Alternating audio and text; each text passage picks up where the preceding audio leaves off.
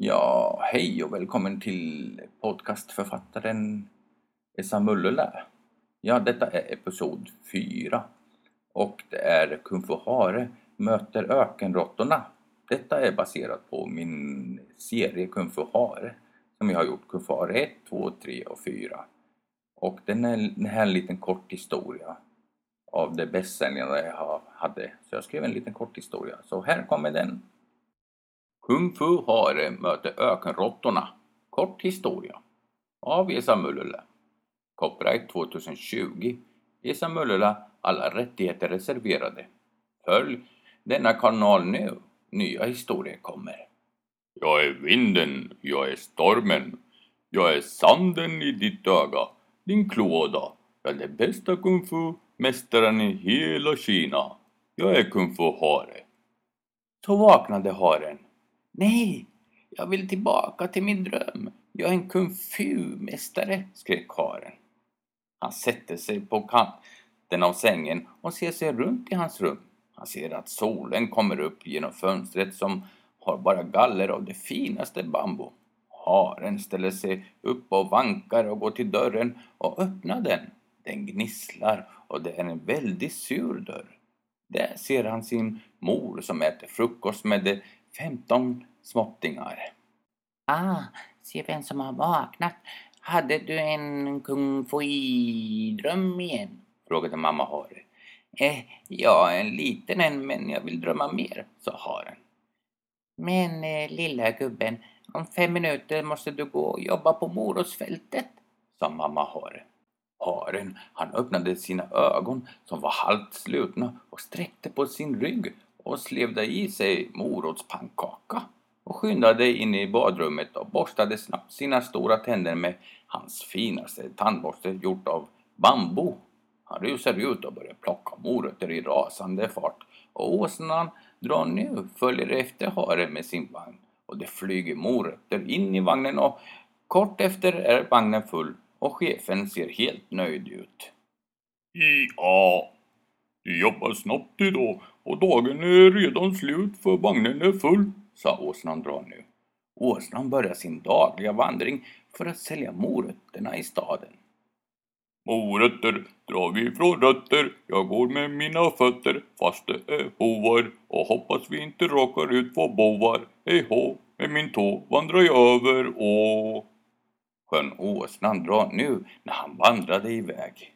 Dagen blev till slut för haren och han skyndade upp för trappan till Mästare Mus och ser hur Mästare Mus dinglar från ett trägren med bara lilla fingret. Wow, jag är verkligen imponerad. Dingla med lilla fingret från en gren, sa haren. Japp, som mästare kan man saker som imponerar andra som är inte mästare, sa Mäster Mus. Men, men, du sa ju att jag är en mästare. Lite i alla fall när vi slog råttorna som stal alla grönsaker, sa haren. Eh, ja, eh, jo, sa att du var lite mästare, sa Mäster Mus. Lite? Jag, jag är nöjd med det, sa haren. Ska vi träna idag? frågade haren. Ja, det är en speciell dag idag så vi tar det bara lugnt, sa Mäster Mus. En speciell dag? Vad för speciell dag? undrade haren. Ja, det är en riktigt speciell dag idag, sa Mäster Mus. Men vad är det för speciell dag idag? frågade haren lite mer irriterat. En speciell dag, sa Mäster Mus. Men vad är det för dag? skrek haren. Söndag, sa Mäster Mus. Oj, söndag. Okej, nu kommer jag ihåg. Vi tränar inte på söndagar, sa haren. Japp, sa Mr Mus. Resten av kvällen såg Mr Mus och haren på solnedgången.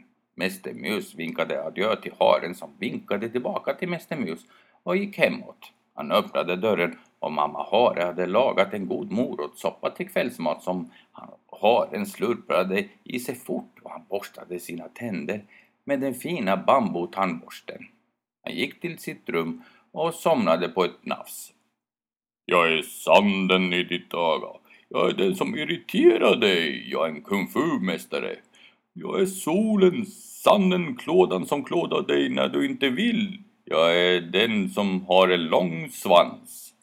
Plötsligt vaknade haren Och det är morgon och han undrade varför han hade så konstig dröm om en lång svans och sand.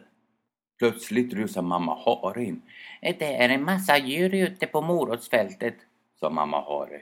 Hare rusar ut och ser att det är massa små djur som plockar alla morötter och äter på dem. Stopp! skrek haren. Vilka är ni och varför äter ni på chefens morötter? frågade haren. Hehe, hehe, vet du inte vilka vi är? sa ett av djuren.